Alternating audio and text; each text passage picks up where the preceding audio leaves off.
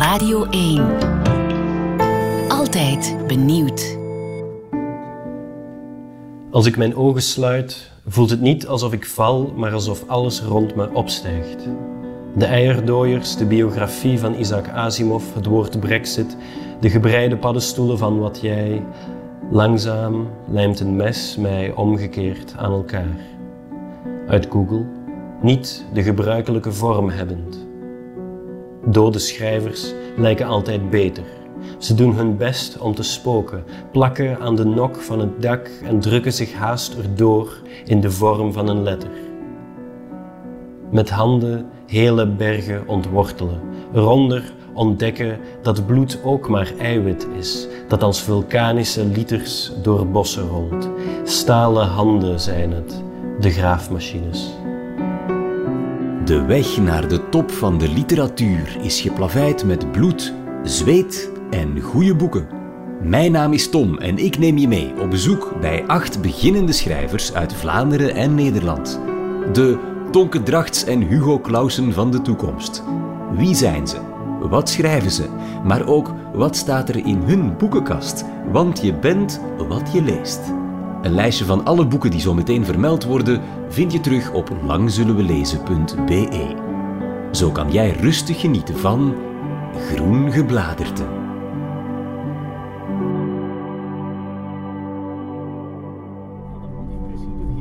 ook naar huis. De vraag is alleen. Voilà, ik sta op de oprit van het ouderlijk huis van Jens Meijen te Paalberingen, Limburg. Ik vraag me af of de buren eigenlijk weten dat achter deze brave Vlaamse gevel een van onze volgende topdichters woont. Want sinds Jens zijn debuut Xenomorph uitbracht, eind 2019, wordt hij doodgeknuffeld in Vlaanderen en Nederland. En ook door mij trouwens. Het is subliem goed geschreven. Een talent dat hij ook gebruikt voor De Morgen, voor Humo, hopelijk ook voor zijn doctoraat en binnenkort voor zijn eerste roman. Veel stof om over te praten dus, maar eerst wil ik weten wat Jens zelf leest. Waar staan de boeken in dit huis? In de bureau slash muziekkamer slash speelkamer slash eh, sportkamer. Eén hoek is gereserveerd voor de boeken. Zit er een, een systeem in, in de boekenkast? Zoals in de kamer zit er ook in de boekenkast geen systeem. Hier staat ook bijvoorbeeld hondenverzorging, maar we hebben geen hond. Hoe komt dit boek dan terecht in je kast? Ik heb geen idee, ik heb echt geen idee. Wat is je oudste boek? Welk boek heb je al het langst, denk je? Oh, moeilijk. Eh, ik neem aan dat we dan hier moeten zijn. Er zijn zo van die eh, wetenschapsboekjes voor kinderen, waanzinnig om te weten heten. En ik denk dat ik die allemaal wel twintig keer heb gelezen. Je hebt de hele reeks. Ja, ongeveer. Cool, het zijn er, Ja, zijn er dus- 15 of zo. Ja. Ja, was zoiets wat ehm, op mijn verjaardag dan, eh, mensen wisten mij niet wat geven en dan gaven ze mij dus zo'n boekje. En ik was er dan elke keer heel blij mee. Zo loopt een miljoenpoot. Ja, En dan staat er uitgelegd hoe die zijn pootjes bewegen. Ja, of een zeenaaktslak en dan een pijltje met enge, vlezige uitsteeksels. Ja, maar het is, het is voor kinderen en ik vond het echt heel, heel fijn. En ik denk dat, eh, dat ik daarom ook wel een beetje ja, geïnteresseerd ben in zo'n beetje alles. Ja. In alle mogelijke vormen, want het gaat dan over het heelal, of over insecten, of Egyptenaren, of Romeinen. Ik durf te zeggen dat dit rechtstreeks terugkomt in je werk vandaag, in Xenomorph. Ja, sowieso. Ja, echt wel. Die, die drang om dingen te weten, denk ik, is, zit er wel nog steeds in. Eén plank lager staat het al iets serieuzere werk, de Mark de Bels bijvoorbeeld. En Harry Potter. Ja, ja, ja die heb ik ook allemaal. wel. Ja, ja, ja, die heb ik echt wel eh, verslonden ook. Ja? ja, want je zou dan denken, zo'n ernstige poëet, die kijkt Eh, meer op Harry Potter. Ik denk dat dat voor iedereen wel hetzelfde is. Ik denk dat veel mensen die Harry Potter, of die grote fan zijn van Harry Potter, dat die zich op een of andere manier ehm, ja, een beetje vervreemd voelen van de mensen, of de kinderen van hun eigen leeftijd. En dat daar perfect op wordt ingespeeld met die boeken. Een soort van uitweg voor veel mensen. En vandaar ook eh, superheldenverhalen en zo zijn daarom ook heel populair.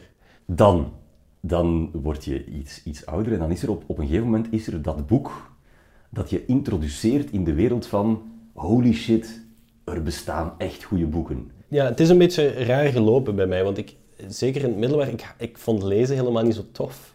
En ik denk dat ik de boeken die ik voor school moest lezen toen nooit echt heb gelezen. scholieren.com heeft mij heel vaak eh, gered. En ik denk, ehm, Wachten op Godot vond ik toen heel mooi, omdat het heel kort was. en toen zei mijn, mijn leerkracht, ja, Ulysses is eigenlijk het moeilijkste boek ooit geschreven. Het staat hier ook. Ja, de Ehm, klepper van James Joyce. Ja, oh, ik kan het amper eh, opheffen. En toen dacht ik, oké, het is heel moeilijk, dus ik ga proberen om het te lezen. Gewoon als uitdaging. En ik ben er nooit doorgeraakt hoor. Ja, ik begreep er natuurlijk maar de helft van, want ik las het ook in het Engels, dus ja, nou wel logisch, in het Ja. zesde middelbaar. Maar toen dacht ik wel, ah, dus literatuur kan echt wel doen, ja, een schrijver kan doen wat hij of zij wil. Er zijn geen regels en het, mag allemaal. En dat is toch wel een, een stap voorwaarts geweest, denk ik. En ik denk dat die stap helemaal voltooid was toen ik eh Rachel's Rokje las van Charlotte Mutsaars. En dat blijft nog altijd een van mijn favoriete boeken ooit. Typisch postmodernistisch werk, dus eigenlijk dat er geen vaststaande betekenis is en dat taal uitwaaiert, zoals een rokje. En het is super meta ook. Het is heel vrolijk en, en huppelend geschreven en ongelooflijk creatief. Het is echt mind-blowing op sommige momenten. En ja, toen besefte ik wel echt, oké, misschien wil ik hier ook iets mee doen, ooit. Ja, Want ik denk dat veel mensen boeken wel zien als verhalen over iets, maar het, het zijn ook verhalen verteld op een bepaalde manier. En waar ik altijd naar zoek in een, in een boek is hoe de vorm inhaakt op de inhoud en hoe die elkaar kunnen versterken. En dat is bij Rachel's Rokje dus ongelooflijk goed gedaan. Ja, en ik denk chronologisch dat eh, Hersenschimmen van Bernlef was wel nog voor Rachel's Rokje, maar ook wel toen het zo begon te ontwikkelen. En dat is ook wel een beetje hetzelfde effect als, ehm, als Rachel's Rokje, omdat het is minder ja, gek en, en eh, bizar. Maar, eh, dus het gaat over iemand die dementeert. En het is dus geschreven vanuit het standpunt van een persoon die, die dementeert. En ehm, ja, dat is super goed gedaan hoe die, die gedachtegang weer heeft en die verwarring en die angst die daaruit voortkomt. Ja, die, die laatste pagina's zijn echt eh, vreselijk. Zo goed, maar zo, zo erg en zo triest. Hoe, hoe ben je aan eh, Vladimir Nabokov geraakt, bijvoorbeeld? Eerlijk gezegd eh, heb ik dit gekocht voor mijn thesis. Mijn thesis ging hierover, over Pnin van eh, Nabokov. Het gaat over een eh, Amerikaanse, of ja, nee, een, een, een Russische emigrant, een professor. Die komt dan terecht in Amerika en heeft dan, ja, het is een beetje een zo'n soort van Mark Vertongen-achtige figuur. Eh, Nabokov zal het graag horen. Ja. ja, en ehm, ja, het is ook een klein beetje autobiografisch eh, over Nabokov zelf, die ook een beetje zich, eh, ja, moeite had om zich aan te passen aan...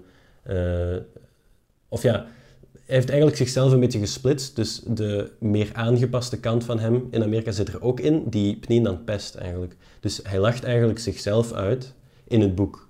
En het is zo prachtig geschreven, dit, dit is echt het mooist geschreven boek ooit.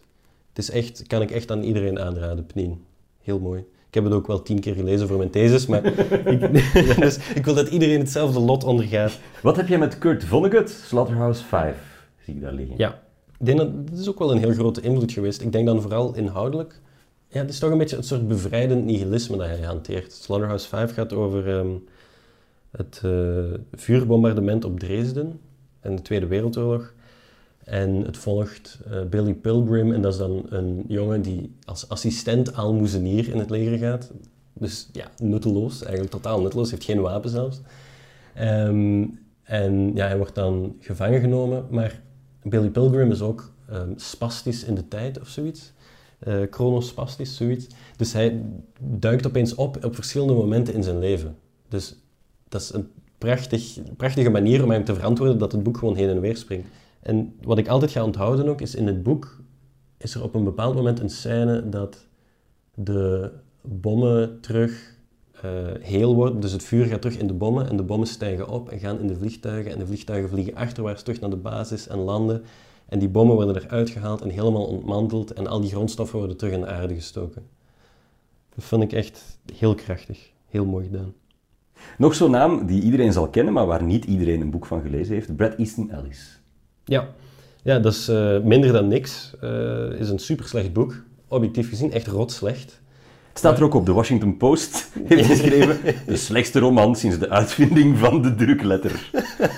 Holy shit, dat is... Ja, dat echt een- wel eh, stellen ja, ja. recensie. Ja. Ja. Ja, echt een rotboek. Ook geweldig dat dat er dan in, van voor op staat. Ehm, ja, maar het is, ik vind het, technisch gezien is het een rotboek, maar ik vind het wel goed. Dus objectief gezien vind ik het echt slecht, maar subjectief gezien vind ik het geweldig. En dat heeft voor mij aangetoond dat een boek helemaal niet technisch in orde moet zijn. Het moet zelfs niet technisch sava zijn. Het mag technisch rot zijn en toch komt er dan zoiets uit. Want dat, er zit geen ene mooie zin in.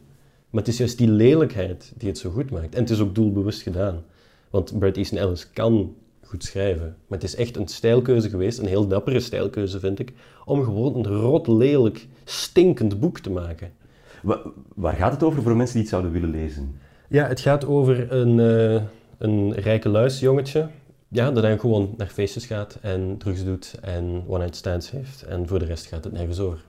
Je had ook al, eh voor ik hier binnenkwam, eh, Catch-22 klaargelegd. Ja. Wa- Wat wou je me daarover vertellen? Oh, zoveel, zoveel. het gaat ook over de Tweede Wereldoorlog. Het is eigenlijk in één adem te noemen met Slaughterhouse 5. En het is ook absurd en heel grappig. De, het hoofdpersonage wil eigenlijk alleen maar weg van de oorlog. Maar het probleem is, en dat is dus de catch-22, dus de, de paradox eigenlijk.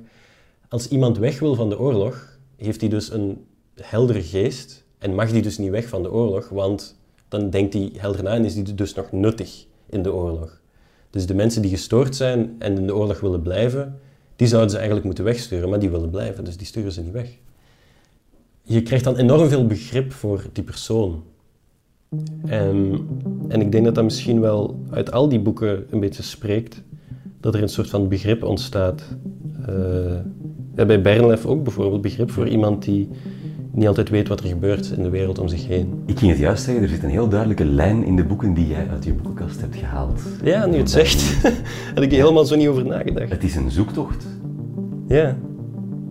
Ja, een zoektocht naar begrip. En ik denk ook die, die boekjes hier van vroeger, die waanzinnig om te weten boekjes, ik denk dat dat ook een drang naar begrijpen is. Dit is Groen Gebladerte, een podcastreeks over acht debutanten van eigen bodem. Deze keer ben ik op bezoek bij Jens Meijen in Limburg. En zometeen kom je alles te weten over zijn bekroonde debuutbundel. Maar eerst zijn ultieme leestip, want elk van mijn gasten geeft mij op voorhand één huiswerkboek dat ik gelezen moet hebben voor ik op bezoek mag komen. Bij Jens was dat Exit West van de van oorsprong Pakistaanse Mohsin Hamid. Een jongen en een meisje leren elkaar kennen in een stad in oorlog. Naarmate hun liefde groeit, sluipen dood en vernieling dichterbij. Dan horen ze dat er overal in de stad plots deuren zijn verschenen die uitgeven op een betere wereld. Ze besluiten door zo'n deur het onbekende in te vluchten, met alleen elkaar als houvast. En zelfs dat is niet helemaal zeker. Jens, je hebt mij Exit West van Mohsin Hamid laten lezen. Waarom? Omdat iedereen dit boek gelezen moet hebben, vind ik. En het, het geniale daaraan is dat dat de hele tocht van de migrant en van de vluchteling zo ja, kunstig herwerkt, eigenlijk, als een soort teleportatie. En dat versterkt dan die, die desoriëntatie, die verwarring en ja, die aanpassing, die schok van het migreren. En je begint dan ook veel beter te begrijpen waarom mensen weggaan van een land waar ze eigenlijk, of van een plek waar ze eigenlijk heel veel hebben. Het is heel, heel mooi geschreven, het is echt prachtig geschreven. En die, die liefde die, die daarin beschreven wordt, is zo realistisch ook. Het is niet gewoon ja, twee mensen die elkaar echt onvoorwaardelijk heel graag zien, maar ook mensen die een individu zijn en die ook hun eigen leven hebben. Die liefdevolle relatie alleen al zou wel genoeg zijn voor een boek, maar hij doet er dan ook nog eens een verhaal over de wereld die verandert bij. Want zij zijn natuurlijk niet de enigen die door die deuren gaan. Heel de, de, ja, het- de Global South, heet dat dan, gaat naar het westen. En dat creëert dan zo'n chaos in de wereld en een hele aardverschuiving, figuurlijk dan, in de wereld, waarin dus de westerse wereld zich in supersnel tempo moet aanpassen aan ja, die verandert de wereld. Dat klonk mij als muziek in de oren. Is dat niet iets wat we gewoon moeten doen? Teleportatie uitvinden. Dat zou heel mooi zijn, maar als we nu gewoon ehm, niet duizend vluchtelingen zouden opvangen in België, maar een miljoen en gewoon allemaal een stuk van onze tuin zouden delen. Ja, ik denk dat heel veel mensen daar radicaal tegen zouden zijn. Ook omdat heel veel mensen het idee hebben dat ze op een of andere manier ehm, ja, recht hebben op de rijkdom die hier is. Terwijl je ook maar gewoon het geluk gehad hebt om hier geboren te zijn. Maar op termijn gaat het toch zo zijn dat eh, het hele globale zuiden niet meer bewoonbaar wordt door klimaatopwarming. Dus mensen gaan naar het noorden migreren, punt uit. Want ja, als je daar sterft op straat van de hitte, dan ga je weg, punt uit. Dat is hoe dat een mens werkt. Dan is alles beter, want dat geldt Ja. ook voor de, de hoofdpersonages in dit boek. Het maakt er niet uit naar waar ze vluchten, want alles is beter dan hun plek van Inderdaad. En dat is ook heel goed gedaan met die, met die deuren, want ze weten niet waar die deuren naartoe leiden. Ze gaan daar gewoon door en floep, ze zijn ergens anders. En die, het hele idee dus dat, dat de maatschappij zoiets niet aan kan, is ir- irrelevant, want het zal wel moeten. Ik hoorde ooit een gesprek opstijgen uit de woonkamer. De stem van een man gebouwd als een panzerwagen. Tijdreizigers maken zich altijd zorgen over paradoxen, zoals je eigen grootvader per ongeluk vermoorden, het trouwen met je eigen kind, werelden waarin mensen schubben hebben of vissen harig zijn, of gevederde dinosauriërs jagen met speren. En toch doen ze dat, die tijdreizigers. Toch raken ze altijd verdwaald en leren ze dat het leven onomkeerbaar is. Maar ik vraag me af, wat is het punt van tijdreizen als je weet hoe het eindigt? Klimaat, identiteit, vergankelijkheid en onze krampachtige omgang daarmee. Maar ook Drake, Moby of Britney Spears. Het zijn allemaal thema's in Xenomorph, het poëziedebuut van Jens Meijen. En hij heeft zijn entree niet gemist, want hij won prompt de Buddingprijs voor het beste poëziedebuut van 2020. Hij staat daarmee in één lijstje met Pfeiffer, Enquist, Rijneveld en vele anderen. En terecht, want zijn gedichten zijn van een uitzonderlijke virtuositeit. Ehm, dus er is een, een schrijfwedstrijd van de studentenvereniging waar ik bij zat, eh, Babylon. En ja, daar had, ik dan aan meegedaan, ehm, gewoon om te zien, oké, wat geeft dit? En uiteindelijk ging dat dan best goed. Vond ik het best leuk om verhalen te schrijven ook. En toen besefte ik, oké, als ik iets daarmee wil doen, moet ik het wel nu doen. En ik denk dat ik vanaf het moment dat ik dat besefte, wel elke dag gewoon geschreven heb. En in het begin was dat echt rot, rot slecht, verschrikkelijk. Oh, oh, zou ik niet meer terug willen lezen, want dat is echt eh, afschuwelijk. Maar ehm, ik denk dat poëzie voor mij wel de soort van puurste uiting is van wat er in mijn hoofd zit. Maar uiteindelijk blijven het altijd uitingen. Het is gewoon de vorm die verandert. Ik denk als ik poëzie schrijf, of ik schrijf een verhaal, of ik schrijf een artikel, zit altijd hetzelfde achter. Er zit altijd een, inderdaad een manier van omgaan met de werkelijkheid achter. En in een artikel voor Humo of in een wetenschappelijk artikel is dat een heel heldere analytische blik die heel duidelijk alles fileert. Of ja, probeer ik toch. In een kort verhaal is het minder helder, maar wel nog grammaticaal oké. En in poëzie is het gewoon blech op het papier en het staat er en zo is het. Uiteindelijk, die bundel is in een paar eh, eh, manische fases of zo eh, geschreven, dat ik gewoon op een paar dagen misschien, laten we zeggen op een week 50 gedichten heb geschreven. En dan selecteer ik gewoon achteraf welke de beste zijn, die zet ik erin, de rest zet ik in een verdom hoekje op mijn computer. Maar ik hou ze wel bij natuurlijk. En ehm, ik, de bundel was eigenlijk af trouwens eh, op een bepaald moment. En toen kwamen de verkiezingen. In, ehm, in mei was dat toen. Ja. Dus tussen mei en november heb je nog wijzigingen aangebracht. Wijziging. Ik heb de helft van de bundel eruit gegooid en de helft hers- eh, gewoon nieuwe gedichten erin gestopt. Want ehm, ja, ik vond toen, die bundel was eigenlijk veel meer ingetogen en naar binnen gericht eerst. En toen na die verkiezingen dacht ik, oké, de, de tijd om naar binnen te kijken is voorbij en nu schrijf ik gedichten over de wereld en dingen waar ik over wil spreken. En het is tijd om dingen te doen en dingen te veranderen ook. En te stoppen met gewoon de status quo te verdedigen, want die status quo leidt ons wel degelijk naar die toekomst dat het gewoon hier een maanlandschap wordt. Is dat iets dat, zoals je net zei, blij eruit komt? Of iets waar je aan schaaft tot elke letter goed zit?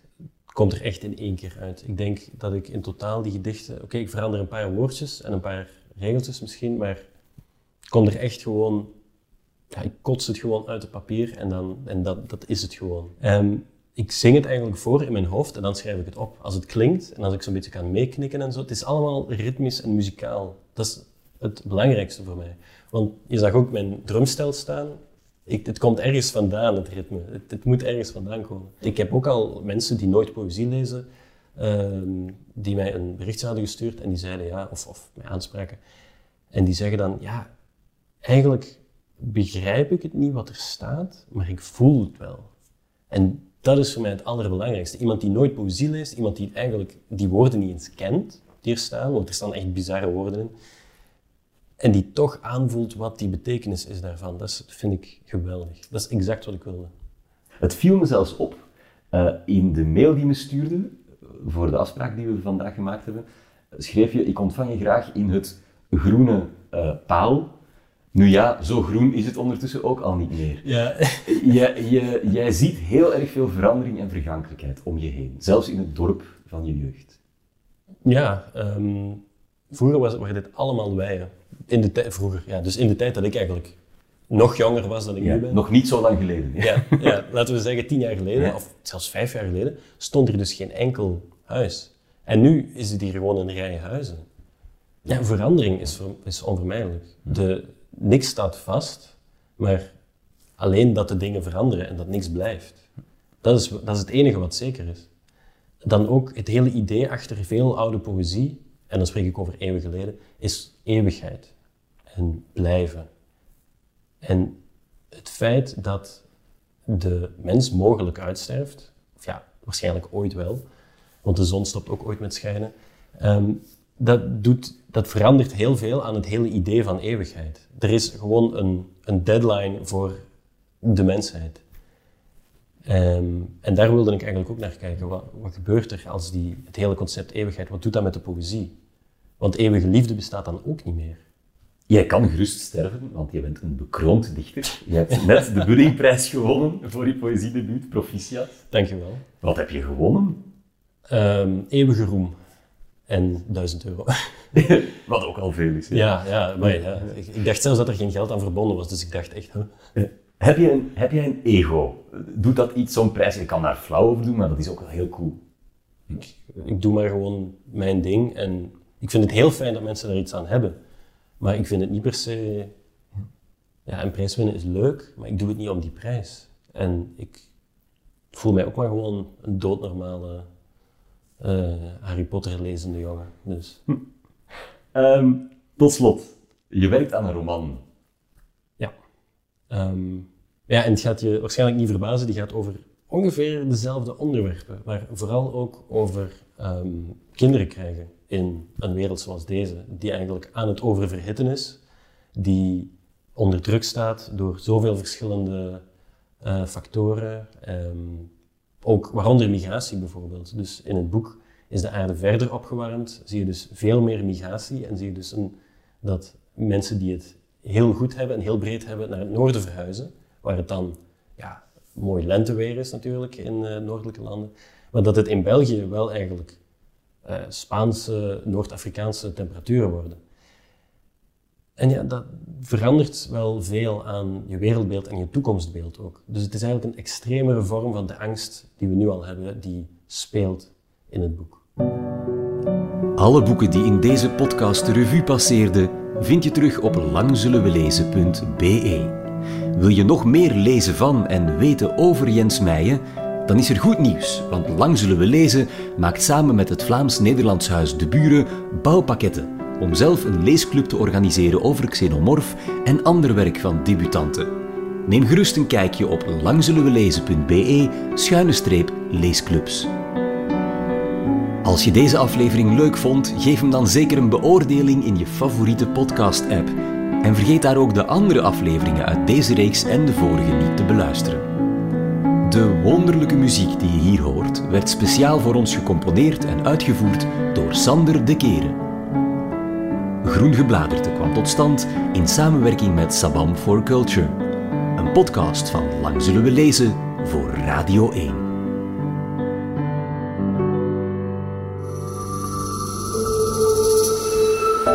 Dit was Groen Gebladerte, een podcast van Radio 1.